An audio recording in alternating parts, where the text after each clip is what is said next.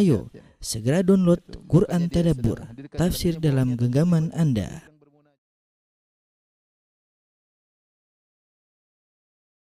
Bismillahirrahmanirrahim. Assalamualaikum warahmatullahi wabarakatuh. Alhamdulillahi ala ihsanih wa syukru lahu ala taufiqihi wa amtinanih wa asyhadu an la ilaha illallah wahdahu la syarika lahu ta'ziman li sya'nih wa asyhadu anna Muhammadan abduhu wa rasuluhu da'ila ridwanih. Allahumma salli alaihi wa ala alihi wa ashabi wa ikhwani. Para ikhwan dan akhwat yang dirahmati Allah Subhanahu wa taala, kita lanjutkan bahasan kita dari syarah hadis Al-Arba'in An-Nawawiyah. Kita sampai pada hadis yang keempat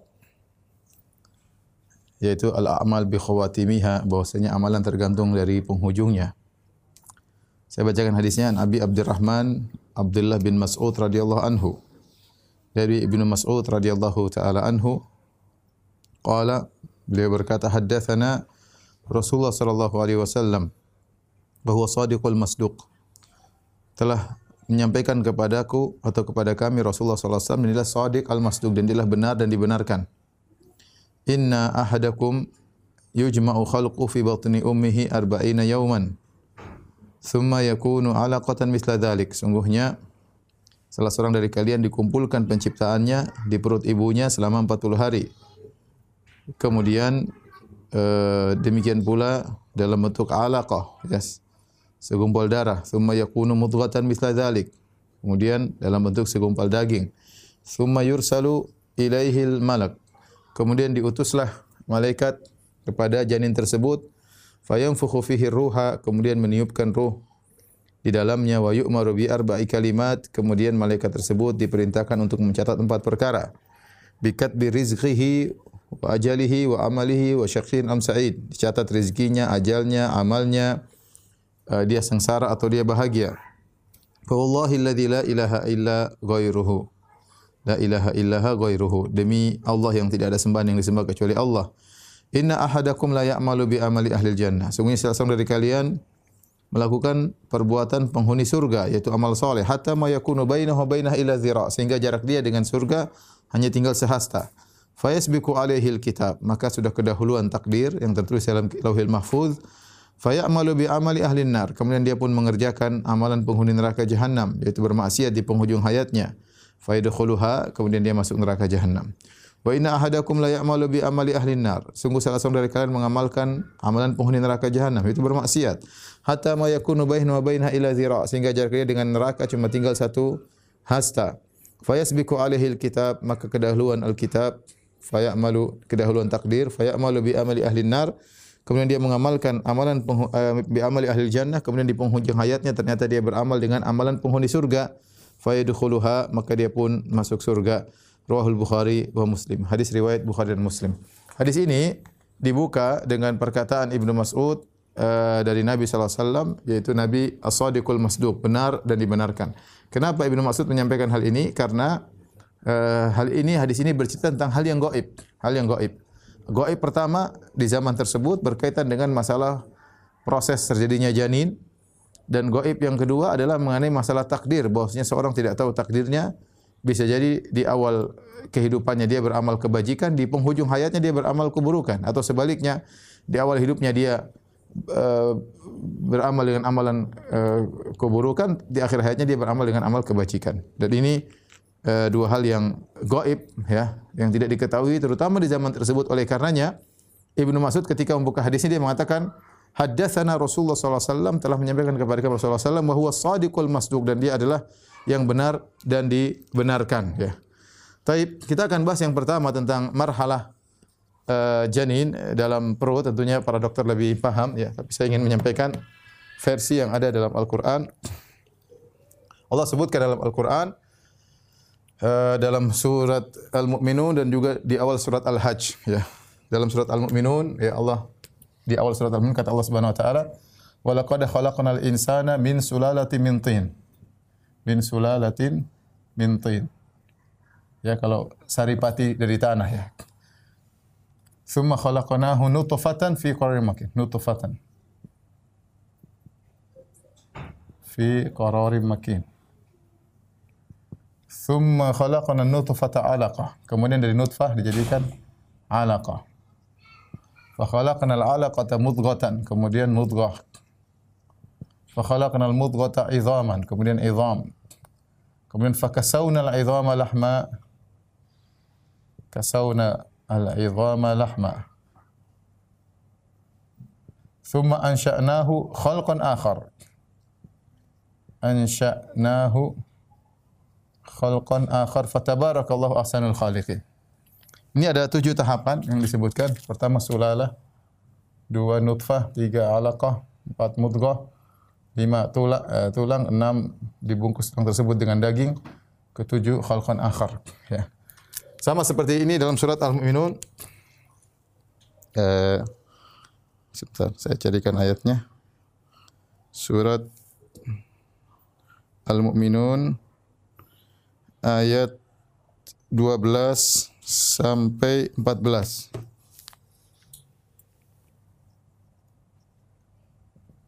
Empat belas, eh, dua belas sampai empat belas.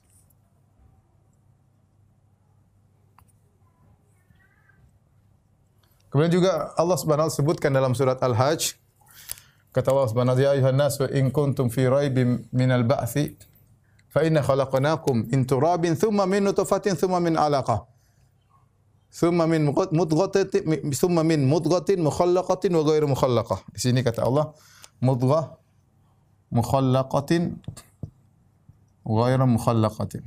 Nanti akan kita jelaskan. Ini terdapat dalam surat Al-Hajj ya bentar ayat ayat kelima. Ayat kelima. Ini surat Al-Hajj. 22 eh, ayat ke-5. Ya. Baik. Ini tujuh uh, tahapan saya terjemahkan dulu ya. Saripati dari tanah. Uh, kemudian nutfah ya. Nutfah setetes air ya.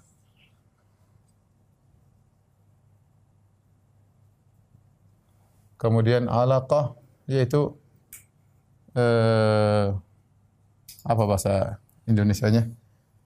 Eh, kalau ini daging ya, segumpal darah kalau diterjemahkan. Segumpal darah.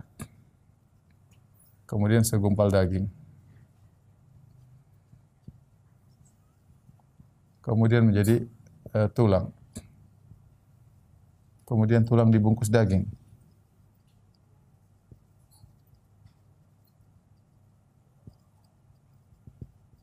Kemudian khalqan akhar, proses tersendiri, cepat. Tersendiri. Kata Allah ciptaan lain ya. Baik, ini terdapat dalam surat Al-Mu'minun ya dan juga dalam surat Al-Hajj uh, ayat ayat uh, 5 ya. Taib, dalam hadis Ibnu Mas'ud radhiyallahu anhu Hadis ada dua dalam hadis. Dalam Al-Quran. Dalam hadis kita punya dua hadis. Pertama hadis uh, Ibnu Mas'ud yang sedang kita bahas. Yang kedua adalah hadis dari uh, Al-Ghifari.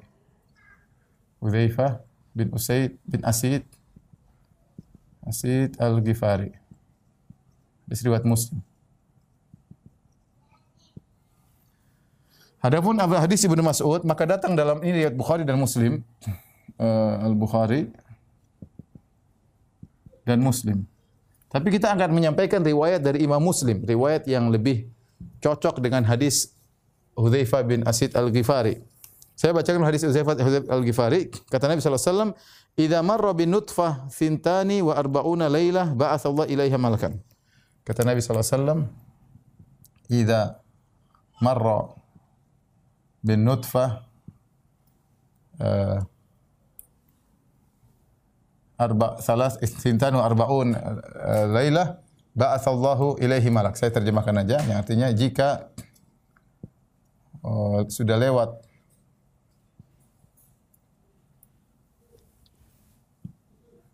jika usia nutfah sudah lewat 42 hari maka Allah mengutus malaikat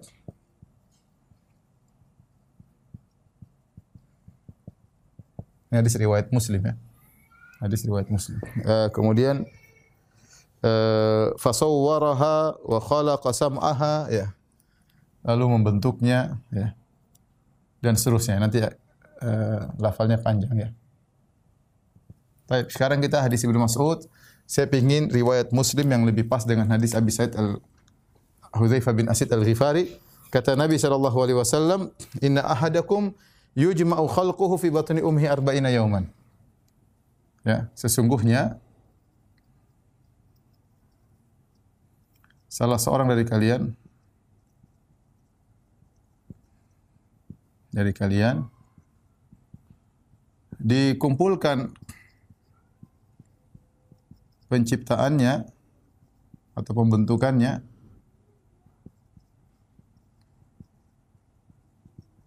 di perut ibunya 40 hari. Ya. 40 hari. Tidak ada kata dalam bentuk nutfah, enggak ada. Dalam bentuk nutfah itu adalah bantahan dalam riwayat. Ada tambahan dalam riwayat yang lain, tapi dalam riwayat Muslim tanpa ada tambahan tersebut.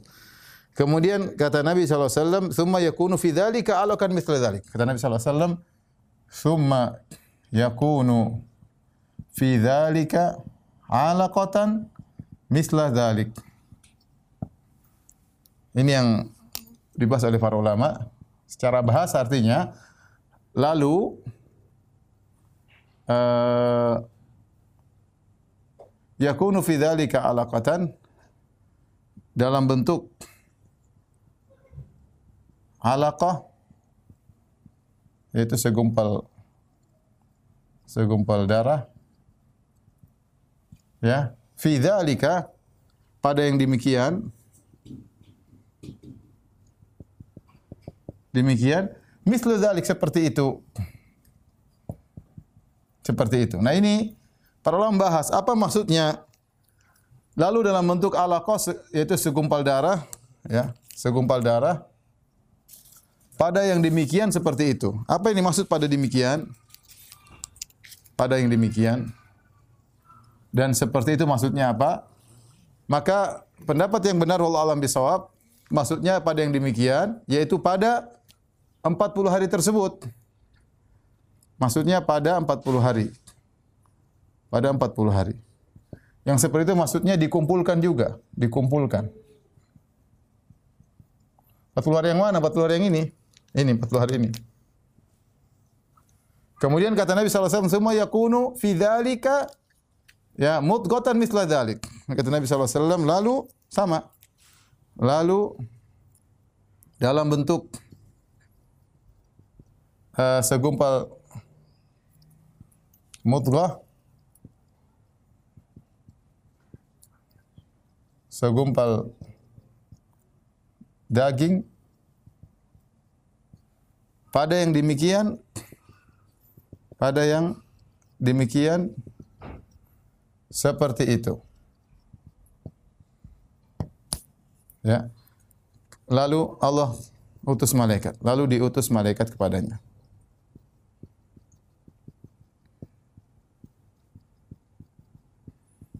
Sama pada yang demikian juga ini maksudnya pada 40 hari ini semua kembali pada ini.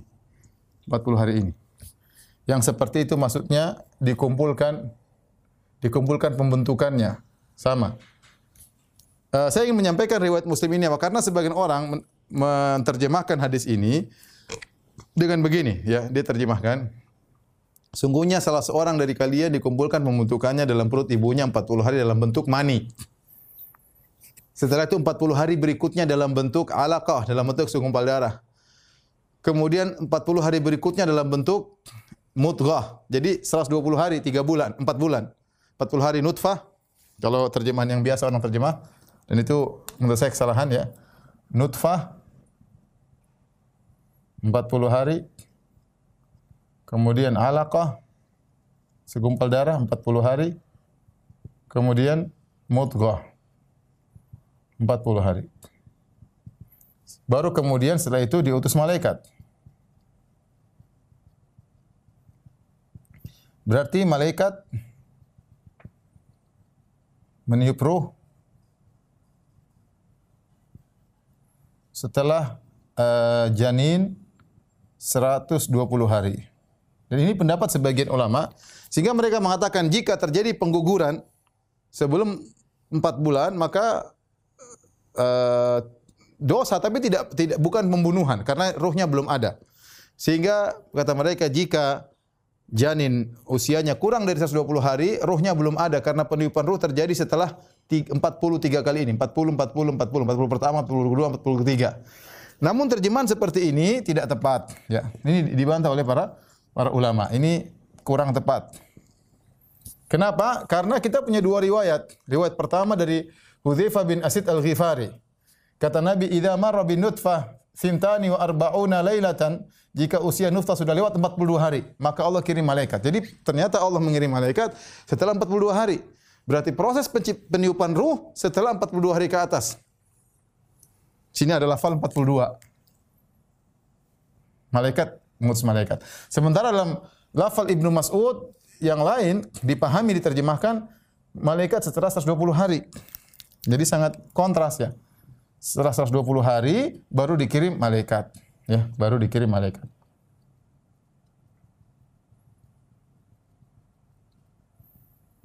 Datang dalam riwayat Muslim seperti ini yang saya terjemahkan sekarang. Jadi kata kata Nabi SAW, Inna ahadakum yujma'u khalquhu fi batni ummihi Sungguhnya salah seorang dari kalian dikumpulkan mutungan dalam perut ibunya 40 hari.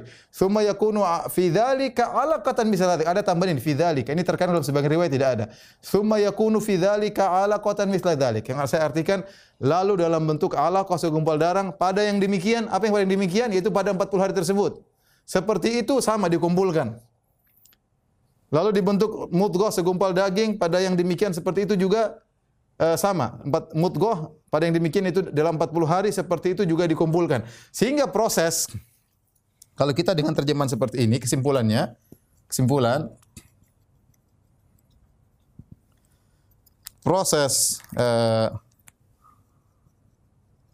proses dari nutfah nutfah itu maksudnya air mani dan dengan buaidah dengan uh, apa ovum sel telur nutfah dan alaqah segumpal darah dan mudghah proses nutfah alaqah dan mudghah segumpal daging semuanya dalam 40 hari.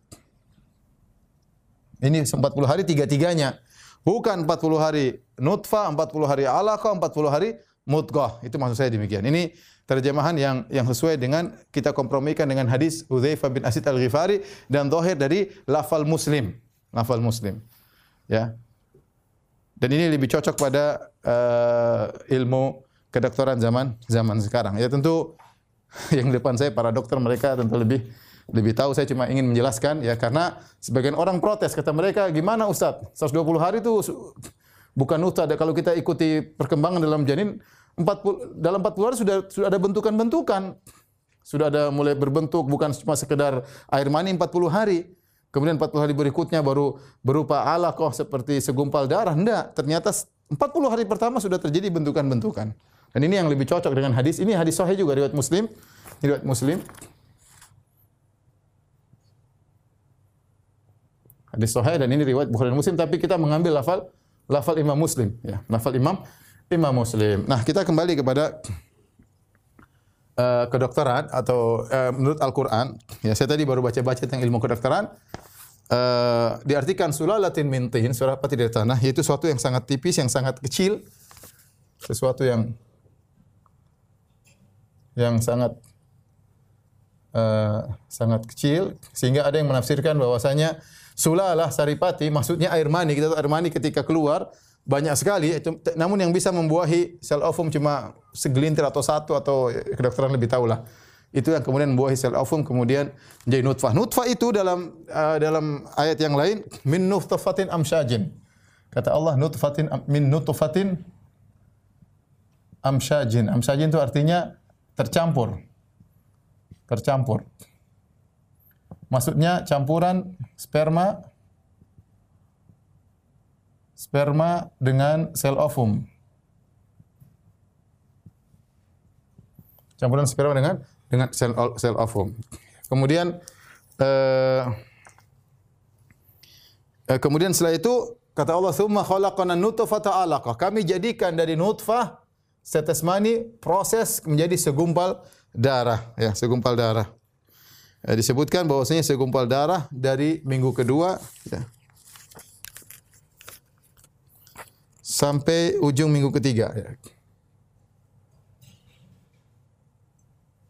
Hingga ujung minggu ketiga.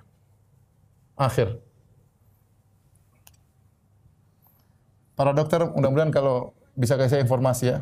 Ya ini sekedar saya baca-baca namanya bukan bidangnya. Ya nanti tolong diperbaiki Kemudian disebutkan juga eh, summa khalaqnal 'alaqata mudghah. Kata Allah dalam surat Al-Mu'minun kami rubah menjadi alaqah menjadi mudghah. Mudghah itu alaqah itu asalnya seperti duda, seperti ada ulat yang dia di air, dia nempel pada suatu hewan kemudian dia ngisap darah hewan tersebut. Ya. Eh, kondisi nutfah dalam minggu kedua sampai akhir minggu ketiga masih bentuk alaqah. Seperti lintah kecil yang dia bisa mengisap masih darah, dia seperti mengisap darah ya. Kemudian setelah itu Allah rubah dari alaqah menjadi mudghah. Mudghah yaitu pada hari ke-22. Mulai dari uh, awal uh, awal minggu keti awal minggu minggu keempat hari ke-22 ya. Sampai ujung minggu ke-6 akhir minggu ke-6 akhir minggu ke-6 akhir minggu ke-6. Yang di sini Allah sifati dengan mudghah tersebut Allah sifati dengan mukhallaqah berbentuk. Mukhallaqah artinya berbentuk. Kemudian ghairu mukhallah tidak berbentuk, tidak berbentuk. Jadi segumpal daging tersebut bukan dia dia ada bentuknya prosesnya dari uh, minggu keempat sampai minggu ke keenam. Ini mulai terjadi uh, ada bentuk-bentukan dalam namun apa namanya? Mulai ada bentukan dalam gumpalan eh, daging tersebut ya. Mungkin organ-organ tubuh mulai terbentuk dan seterusnya. Kemudian Allah katakan, "Tsumma khalaqnal mudghata idhaman." Kami rubah dari mudghah menjadi tulang. Dan itu uh, terjadi ya, pada awal minggu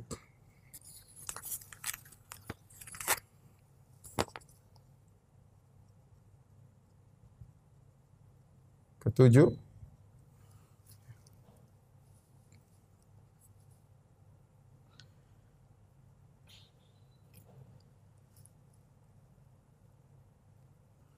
sampai uh,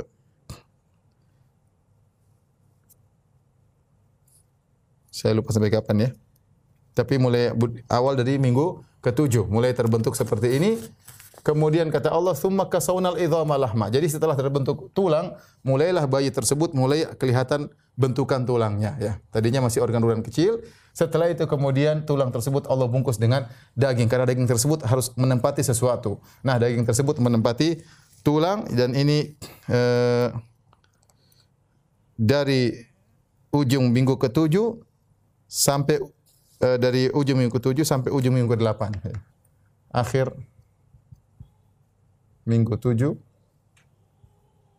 sampai akhir minggu 8. Kemudian setelah itu kata Allah, "Tsumma ansha'nahu khalqan akhar." Kami jadikan bentuk yang lain, penciptaan yang lain, yaitu dari awal uh, minggu ke-9. Maksudnya kata para ulama bahwasanya pada akhir minggu ke-8 bentuk sudah lengkap ya, tapi masih dalam bentuk sangat kecil. Mulai minggu ke-9, minggu ke-10, minggu ke-2 sampai minggu ke-12 mulai membentuk, begitu 12 ke atas maka pertumbuhan sangat cepat sehingga menjadi bayi yang sangat jelas. Ini maksud saya. Kenapa di awal di awal uh, hadis kata Ibnu Mas'ud, wa huwa sadiqul masduq.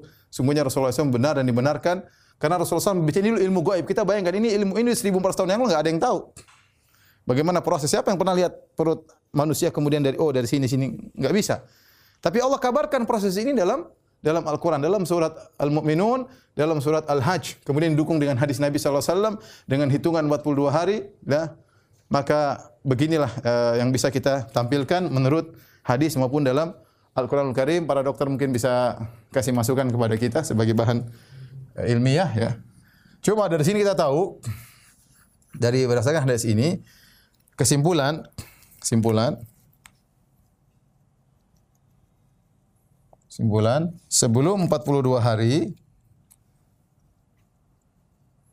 sebelum 42 hari belum ada ruh.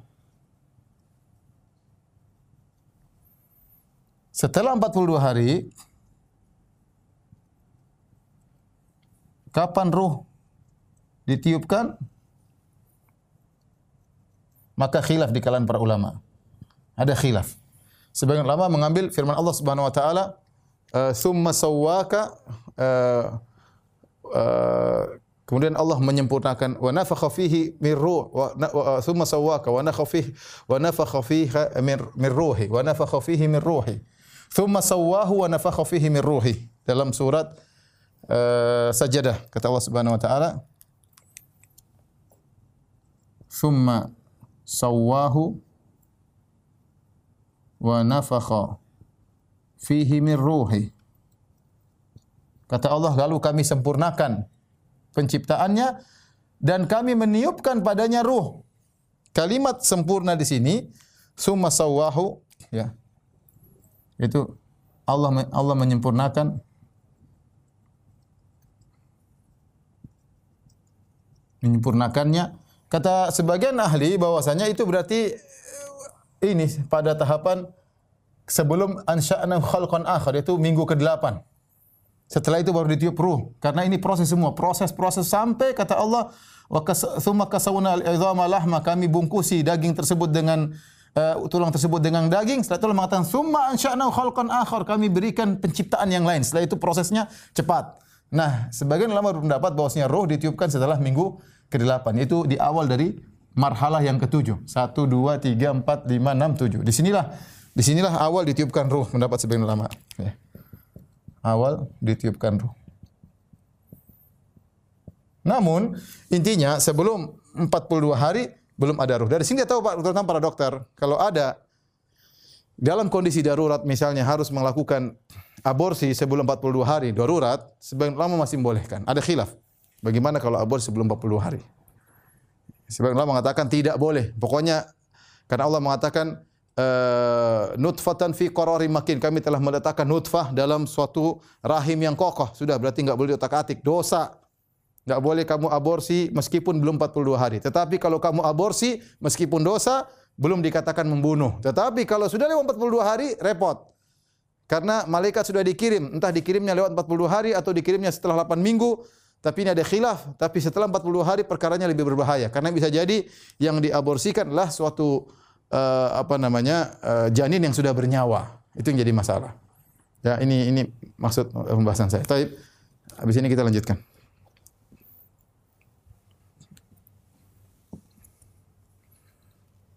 Allah berfirman, "Tsumma sawwahu wa nafakha fihi min ruhi wa ja'alakum as-sam'a wal absara wal af'idah qalilan ma tashkurun." Saya lihat ayat suratnya ya. Dalam surat uh, As-Sajdah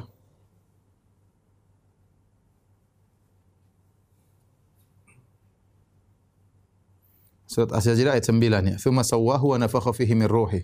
Allah sempurnakan eh, penciptaannya wa nafakha fihi min ruhi kemudian Allah tiupkan ruh kepadanya wa ja'alakumus sam'a wal absara wal afida. Allah jadikan bagi kalian pendengaran, penglihatan dan juga hati. Qalilan ma tashkurun. Sedikit kalian yang bersyukur. Ya, ini tadi saya sebutkan tentang permasalahan ya seandainya uh, kita banyak penelitian dari para ilmuwan yang menunjukkan bagaimana Al-Qur'an 1500 tahun yang lalu tatkala ilmu kedokteran belum bisa mengungkapkan hal ini Allah sudah menyebut tentang tahapan bagaimana proses perjalanan janin dalam uh, perut seorang ibu. Dan ternyata seperti itu prosesnya. Nutfah kemudian alaqah kemudian mudghah ya. Uh, dari dari nutfah air mani dan percampuran air mani dengan sel sel ovum kemudian menjadi alaqah seperti segumpal daging yang mengisap darah, kemudian setelah itu mudghah eh, segumpal darah, kemudian setelah itu mudghah seperti segumpal daging yang kecil, ya. Seperti daging yang dimakan segumpal daging kemudian di dalam segumpal daging tersebut kata Allah mukhallaqatin wa ghairu mukhallaqah. Dalam bentuk ada pembentukan dalam seperti mulai ada pembentukan. Ada organ-organ tapi belum begitu jelas tapi sudah mulai ada pembentukan. Setelah itu lebih kuat pembentukannya Allah berikan tulang. Summa kasaunal summa khalaqanal mudghata idhaman kami jadikan pada uh, mudghah tadi sebagian menjadi uh, tulang. Fakasaunal idhama lahma. Kemudian mulai bentuklah tulang tersebut semakin banyak dagingnya ya. Kemudian menjadi summa summa ansha'na khalqan akhar kemudian menjadikan makhluk yang lain yang cepat uh, tumbuh dan berkembang. Ini semua hanya dalam Al-Qur'an dan buktikan agungnya Al-Qur'an ya. Oleh karenanya sebagian dokter-dokter dari orang-orang kafir kemudian meneliti dan mereka mengakui akan kebenaran Al-Qur'an dalam hal ini. Wallahu alam bisawab. Taib. Yang gaib yang kedua kita berbicara masalah takdir. Karena dalam hadis uh, Kata Nabi sallallahu alaihi wasallam, "Inna ahdakum la ya'malu bi amali ahli jannah." Ya. Setelah malaikat datang dikirim, nah malaikat disuruh untuk mencatat apa rezekinya, amalnya, ajalnya, menderita atau sengsara, menderita atau bahagia. Dicatat oleh malaikat. Ini takdir. Takdir. Ya. Disebut dengan takdir, uh, disebut dengan takdir umri. Takdir umri. Yaitu takdir yang berkaitan dengan janin. Ya. Takdir yang dicatat berkaitan dengan janin. Hmm. Janin tadi, catat apanya? Malaikat mencatat malaikat mencatat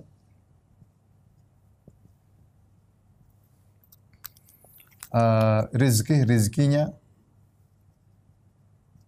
Kemudian rizkihi wa ajali ajalnya. Rizki ajalihi ya. Uh, ikat bi rizkihi wa ajali amalnya. Kemudian bahagia atau sengsara Baik. Ini sudah dicatat disebut dengan takdir. Nah, kita umat Islam rukun Islam yang rukun iman yang keenam adalah al-iman bil takdir, bil qada wal qadar, ya. Al-iman bil qadar.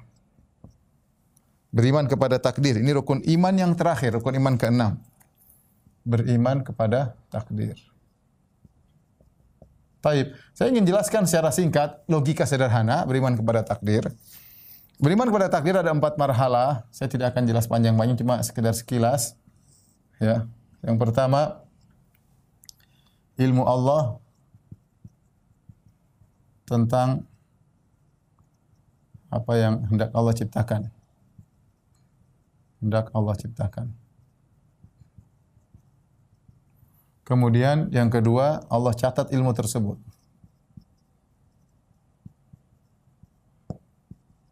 Di Al-Lauhil Mahfuz. Al-Lauh Al-Mahfuz. Ini enggak ada yang tahu isinya siapa pun. Ya, yang ketiga uh, Allah berkehendak uh, untuk uh, mengeksekusi apa yang hendak dia ciptakan.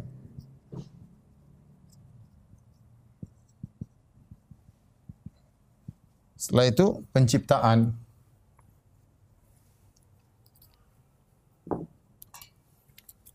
Penciptaan atau kalau dalam kita eksekusi.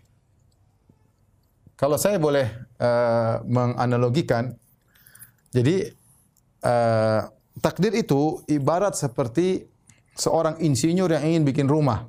Kalau dia ingin bikin rumah, maka dia punya perencanaan.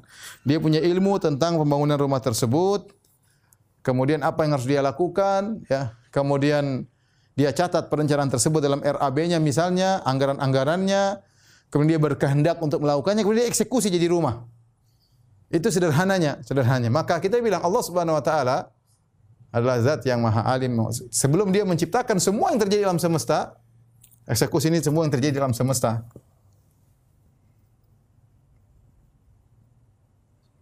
terjadi di alam semesta hingga hari kiamat. Hingga hari kiamat Allah ingin membuat ini. Bagaimana? Maka Allah punya ilmu tentang hal tersebut. Ilmu Allah tentang apa yang hendak Allah ciptakan. Ya. Kalau kita bilang apa? Uh, ilmu perencanaan tersebut. Kalau kita melogikan, ilmu ini untuk menciptakan Allah sudah punya ilmu. Ya. Setelah itu ilmu tersebut ya apa yang akan Allah buat? Allah catat ilmu tersebut di Lauhil Mahfuz. Makanya dalam hadis disebutkan awwalu ma khalaqallahu al-qalam. Yang pertama diciptakan pena. Qala uktub, kata Allah tulis, kata pena, "Madza aktub?"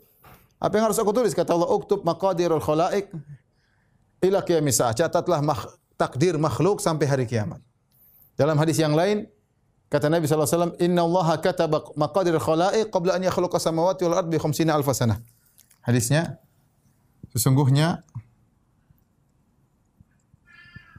Allah menulis takdir makhluk eh, 50 ribu tahun sebelum Allah ciptakan langit dan bumi.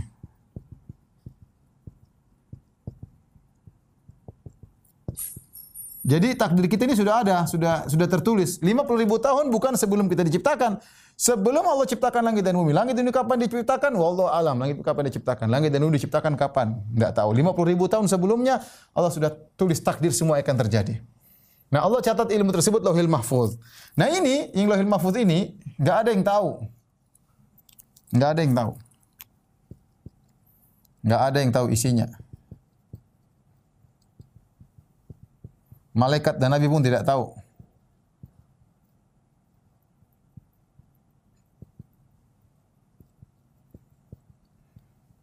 Terkadang Allah kabarkan ilmu gaib tersebut kepada sebagian malaikat, sebagian rasul terkadang.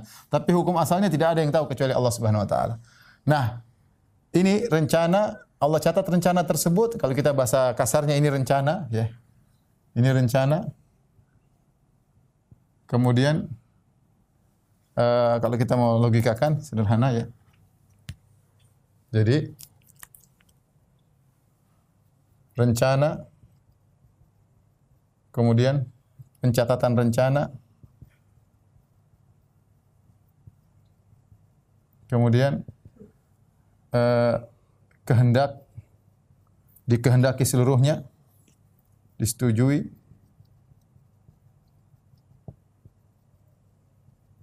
Kemudian eksekusi. Eksekusi itu penciptaannya. Penciptaannya. Inilah kalau kita membelikan logika takdir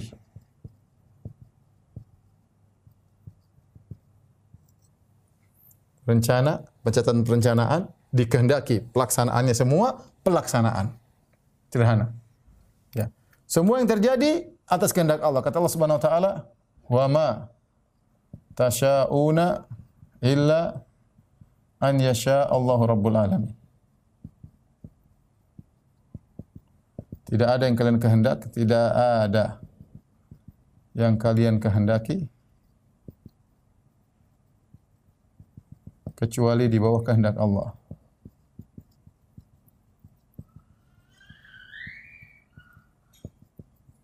Jadi semua yang terjadi alam semesta yang Allah ciptakan, semua yang terjadi alam semesta. Saya sekarang sedang ngajar, semuanya sudah dikehendaki oleh Allah Subhanahu wa taala. Semuanya. Makanya kita disuruh beriman bil qadar khairihi wa syarrihi. Khairihi wa syarrihi. Itu apa? Takdir baik. Beriman kepada takdir baik dan buruk.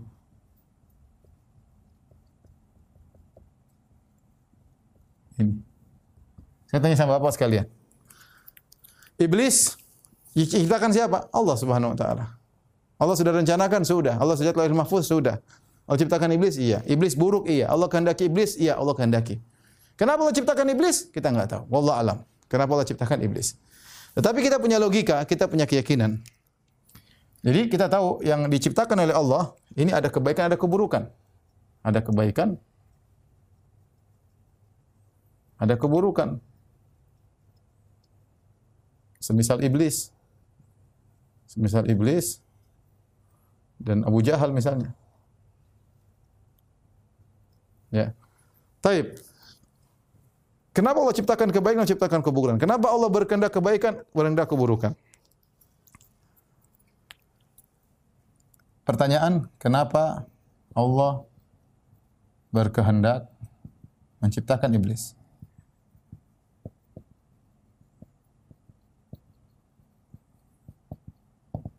Ini Allah kasih jawaban, kata Allah, la yus'alu amma yaf'alu. Wa hum yus'alun. Allah tidak ditanya apa yang buat, dia buat.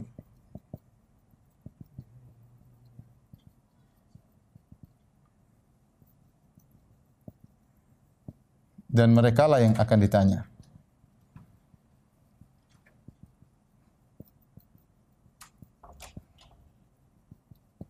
Mereka akan ditanya. Namun para ulama berusaha untuk menjelaskan Terkadang ada keburukan yang kita lihat, tapi di balik penciptaan keburukan tersebut ada kebaikan-kebaikan yang Allah kehendaki.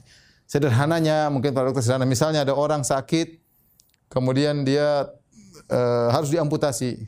Secara zahir amputasi itu buruk karena ada bagian tubuhnya yang harus dipotong. Tetapi di balik amputasi tersebut ada kebaikan bagi sisa jasad yang lain. Ini contoh sederhana. Ya, contoh mungkin kita anak kita marah, kita jewer, kita pukul, dia nangis misalnya. Tapi kelihatannya kita zalim. Kalau orang cuma lihat cuplikan itu seakan-akan orang tua zalim pukulnya anak. Tapi setelah diketahui ternyata di balik hukuman tersebut ada kebaikan-kebaikan, maka hilanglah segala pertanyaan. Contoh seperti Allah berfirman, "Zaharul fasadu fil barri wal bahri bima kasabat aydin nas liyudhiqahum ba'dalladzi amilu la'allahum yarji'un." Sungguhnya telah nampak kerusakan daratan dan lautan. Kerusakan Allah tidak suka, tapi Allah ciptakan kerusakan daratan di lautan. Kenapa? Liyudhiqahum ba'dalladzi amil. Ternyata untuk membuat mereka merasakan akibat ulah perbuatan mereka. Apa akibatnya? La'allahum yarji'un. Semoga mereka sadar. Jadi ternyata terkadang Allah menciptakan keburukan, ada hikmah di balik itu yang terkadang kita bisa tangkap, terkadang kita nggak bisa tangkap. Kalau tanya, kenapa Allah ciptakan iblis? Ada ulama yang jawab, iblis diciptakan karena Allah punya tujuan menciptakan alam semesta diisi dengan manusia untuk diuji. Kalau nggak ada iblis, nggak ada ujian. Allah memang kalau tanya kenapa Allah ciptakan manusia diuji, ah, itu bukan urusan kita. Otak kita nggak sampai. Tapi di antara yang Allah kabarkan, Allah ciptakan manusia di atas muka bumi untuk diuji. Nah, bagaimana bentuk ujiannya? Ciptakan iblis. Iblis diciptakan dan dia menggoda, ya dan dia buruk, tapi Allah ciptakan keburukan tersebut untuk menguji.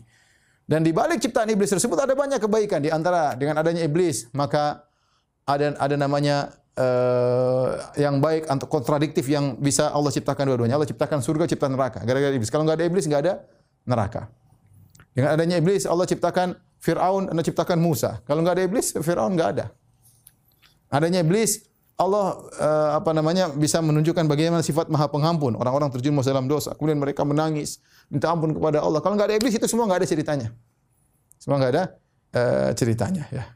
Dan banyak ulama sebutkan adanya iblis maka kita nampakkan nampak bagaimana hamba-hamba orang yang soleh yang rela mengorbankan jiwa, raga dan hartanya untuk Allah Subhanahu wa taala ya.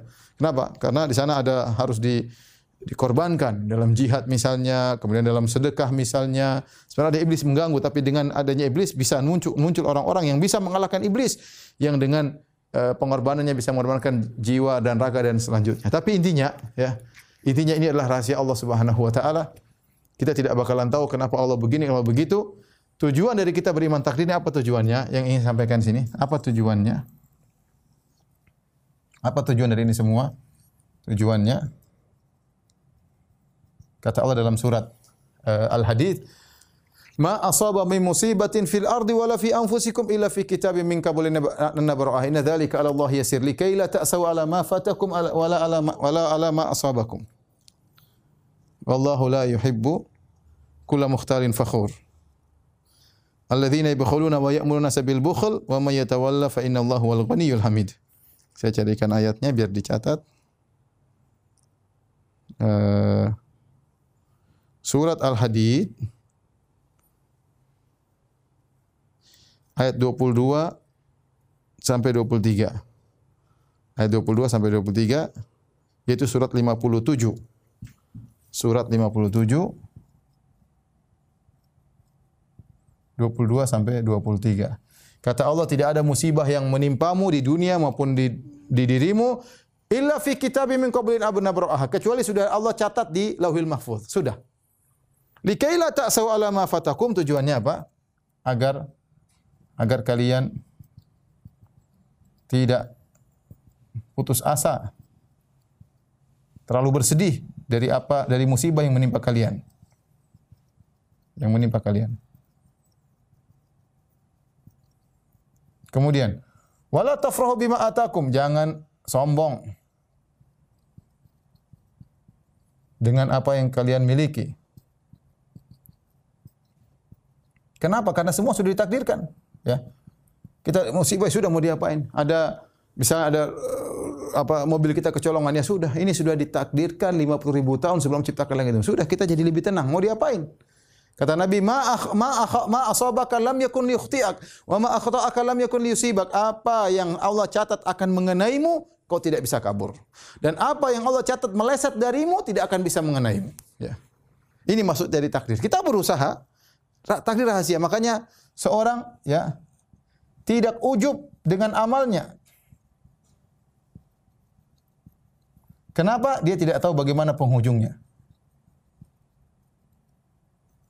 penghujungnya seperti apa.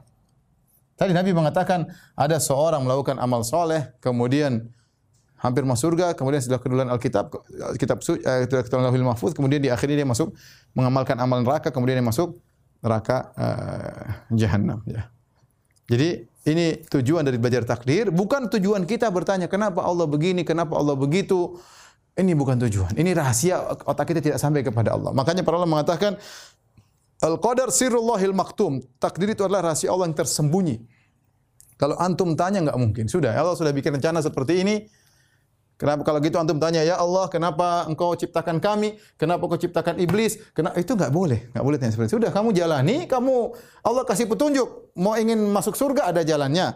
Masuk neraka ada jalannya. Terserah. Kamu punya pilihan kok. Kamu bisa memilih enggak? Kita mau makan bisa, mau diet bisa, mau ke, ke utara bisa, ke selatan bisa, kita bebas. Tidak ada kita terpaksa. Meskipun semuanya sudah dicatat oleh Allah, tapi tidak ada yang tahu catatan tersebut. Maka jangan seorang berkata, ya Ustaz, kalau saya sudah ditakdirkan masuk neraka, ngapain saya beramal soleh? Kau tahu dari mana kau ditakdirkan masuk neraka? Kau enggak tahu. Allah tidak suruh kau bicara masalah itu. Yang Allah suruh beramal soleh masuk surga, eh, beramal maksiat masuk neraka jahanam. Dan ini rahasia Allah subhanahu wa ta'ala. Ya. Taib. Ini secara singkat tentang masalah takdir logikanya uh, dan kita harus mengimani hal tersebut karena di luar daripada nalar uh, nalar kita. Tujuan kita belajar takdir yaitu kita tahu bahwasanya apa yang telah terjadi sudah ditakdirkan. Tidak bisa kita hindari. Yang bisa kita lakukan adalah usaha. Ya. Kalau ada yang mengatakan Ustaz, saya miskin. Kalau saya sudah ditakdirkan miskin, ngapain? Percuma saya kerja, saya akan kaya. Kalau kau sudah ditakdirkan kau miskin, tidak bakalan kaya. Tapi tahukah engkau takdirmu kau pasti miskin? Kan kau tidak tahu. Kalau gitu mengapain kau bicara dengan sesuatu yang kau tidak tahu? Gampangannya gini. Kalau saya ditakdirkan kenyang, ya pasti kenyang. Kalau saya ditakdirkan lapar, saya pasti lapar. Tapi sekarang ada makanan depanmu. Kau makan atau tidak? Kau kan nggak tahu takdirmu kenyang atau lapar. Kalau kau makan, berarti takdirmu kenyang. Kalau kau nggak makan, takdirmu lapar. Tapi kan kau punya pilihan mau makan atau tidak. Sederhananya demikian. Seorang kalau ditakdirkan nggak punya anak atau punya anak sudah ditakdirkan. Tapi bagaimana dia kalau ingin punya anak? Dia berusaha cari istri, dia nikah, kalau ternyata dia mandul lah, tahu takdirnya dia tidak punya anak. Tapi kan sebelum dia melakukan dia tidak tahu takdirnya. Maka takdir ini bukan berarti kita jadikan alasan untuk kita uh, apa namanya tidak ber, tidak berusaha ya kata Nabi SAW ihris ala ma yanfa'uk selamatlah semangatlah engkau untuk mencari uh, apa yang bermanfaat bagimu wala ta'jaz dan jangan malas ya ya fa in asabaka syai' Kalau terjadi sesuatu, jangan kau berkata lo anni fa'alta kata wa kata. Kalau seandainya dulu saya seandainya saya begini tentu tidak terjadi begini. Ya, tetapi katakanlah qadarallahu ma syafa'al. Katakanlah sudah takdir Allah apa yang Allah kehendaki, itu yang Allah lakukan. Sudah. Itu itulah konsep kehidupan seorang muslim. Kata Nabi saya ulangi, ihris ala ma yanfa'uk wasta'in billah wala ta'jas. Semangatlah untuk mencari apa yang manfaat bagimu. Minta tolong kepada Allah dan jangan malas. Ya. Fa in asabaka syai' Kalau ada menimpa sesuatu yang kau tidak sukai setelah kau berusaha, wala taqul jangan kau katakan lau anni fa'altu kadza lakana kadza wa kadza. Coba tadi saya begini, coba tadi saya begini, tentu akan begini. Fa inna lau taftahu amal, syaitan. Sungguhnya perkataan ini membuka pintu syaitan. Tapi katakanlah qadarallahu ma syafa'al. Ini sudah ditakdirkan oleh Allah Subhanahu wa taala. Jadi inilah takdir secara sederhana ya. Kita semua sudah ditakdirkan bagaimana amal kita, bagaimana rezeki kita, tapi tidak ada yang tahu isi takdir tersebut. Ya, tinggal kita menjalankan, kita berusaha. Cuma dengan beriman kepada takdir jika terkena musibah, kita tahu bahwasanya sudah ditakdirkan oleh Allah Subhanahu wa taala. Kalau kita dapat kelebihan, kekayaan atau kecerdasan kita sudah ditakdirkan sehingga kita tidak tidak ujub. Kalau sekarang kita amal soleh, jangan kita pede bahwasanya kita pasti masuk surga. Kita enggak tahu bagaimana penghujung penghujung kita. Kalau kita orang melakukan maksiat kita enggak tahu bisa jadi dia nanti bakalan sadar. Ini seperti itu maksudnya takdir itu rahasia Allah Subhanahu wa taala. Demikian para dokter-dokter yang dirahmati Allah Subhanahu wa taala, ini yang bisa kita sampaikan pada kajian kita. Mohon maaf agak rumit sedikit ya. Itu saja para dokter-dokter rahmati Allah Subhanahu wa taala. Insyaallah kita lanjutkan pada pertemuan berikutnya pada hadis yang kelima dari Arba'in Nawawiyah insyaallah taala. Intinya kalau kita beriman kepada takdir, kita jangan ujub dengan amal soleh kita. Karena kenapa kita tidak tahu ujung kita seperti apa. Kemudian kalau kita terkena musibah, kita bersabar. Karena kita tahu semua sudah dicatat oleh Allah dan Allah tidak mentakdirkan kita kecuali ada kebaikan yang Allah kehendaki. Itu husnudzon kepada Allah. Kalau kita dapat kelebihan, maka kita jangan misalnya kita cerdas atau kita bilang ini karena saya cerdas, karena saya pintar, karena saya banyak pengalaman. Kita bilang banyak orang punya pengalaman, banyak orang Allah tidak takdirkan kebaikan bagi mereka. Oleh karenanya ini di antara uh, apa namanya yang membuat gelisah orang soleh mereka tidak ujub dengan apa yang sudah mereka lakukan karena mereka tidak tahu bagaimana kesudahan mereka. Sementara Nabi bersabda, "Innamal a'malu bil khawatim." Amalan tergantung dari ujungnya. Demikian, wabillahi taufiq wal hidayah. Assalamualaikum warahmatullahi wabarakatuh.